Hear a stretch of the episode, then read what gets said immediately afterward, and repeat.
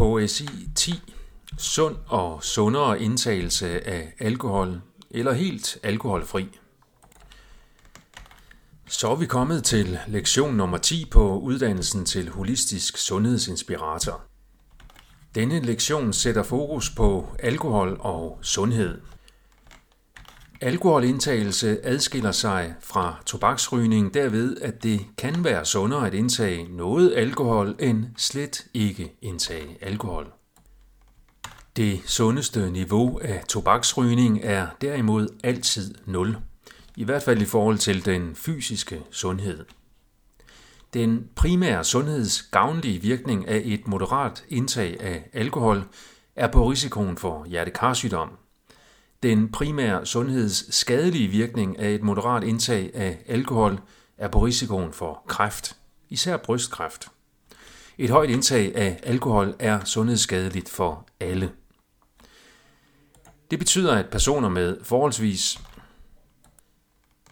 det betyder, at personer med forholdsvis høj baggrundsrisiko for hjertekarsygdom og forholdsvis lav baggrundsrisiko for brystkræft – har størst gavn af et moderat forbrug af alkohol sammenlignet med ingen alkohol.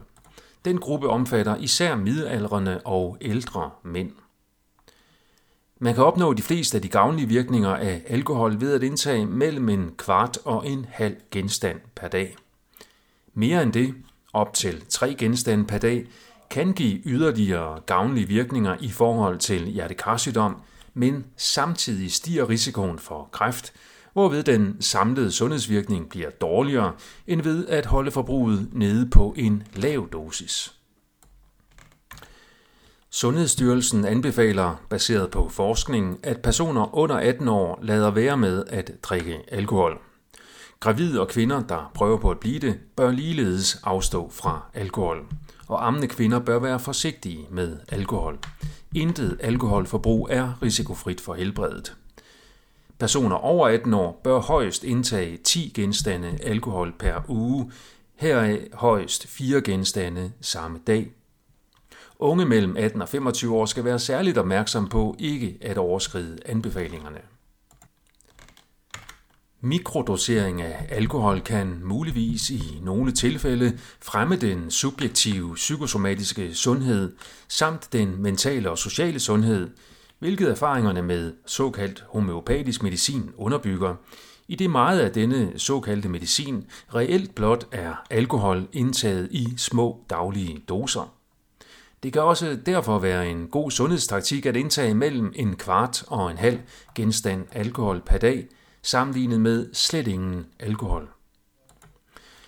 Det betyder meget for alkohols indvirkning på den fysiske sundhed, om man indtager lidt alkohol hver dag eller meget alkohol en gang om ugen. Der er langt større sundhedsgavn af at drikke lidt af gangen hyppigt i stedet for meget af gangen sjældent, under forudsætning af, at den samlede mængde indtaget alkohol er den samme. Det betyder i praksis, at lige så snart man føler sig beruset, så har man formentlig indtaget for meget alkohol. Den hyppigste sundhedsudfordring med alkohol i Danmark er personer, der indtager alt for meget samlet set og for meget per gang. De kan og bør inspireres til at reducere deres indtag ved at indtage mindre per gang og eller mindre ofte, end de plejer. Alkoholfrie alternative drikke kan hjælpe til at gøre det lettere. Specielt er sortimentet af alkoholfrie øl blevet veludviklet i de senere år. Hvad som helst, man kan drikke eller gøre i stedet for at drikke alkohol, vil dog have samme virkning. Det har kun sekundær betydning, om man drikker den ene eller den anden form for alkoholdrik. De sundeste eller mindst skadelige alkoholdrikke indeholder andre sundhedsgavnlige stoffer ud over alkoholen. Det omfatter øl, vin og nogle former for dram, som for eksempel gammeldansk.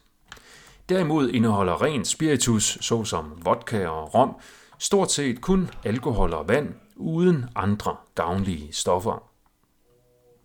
Ligesom mindful spisning kan hjælpe til at reducere overspisning, mindful rygning kan hjælpe til at reducere rygning, så kan mindful alkoholdrikning formentlig også hjælpe til at reducere overdrikning af alkohol. Mindful alkoholdrikning går ud på at drikke alkohol med bevidst nærvær fra mundfuld til mundfuld, fra øjeblik til øjeblik, og udvikle intuitiv indsigt i, hvornår man har fået nok. Man kan opnå indsigt i foranderlighedens natur ved simpelthen at fokusere opmærksomheden på selve sansningen af smagen i nuet. Med denne praksis kan man også indse, hvordan indtagelse af større mængder alkohol gør det svært at være mindful, og dette kan skabe en positiv motivation for fremover at afstå fra at drikke mere, end man stadigvæk kan være i sin åndelige natur. Øvelser Nummer 1.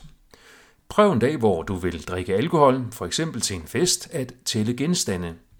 Øvelsen går ikke ud på at drikke mindre, end du plejer. Øvelsen går udelukkende ud på at foretage en objektiv måling af den mængde alkohol, du indtager på en omgang. Nummer 2.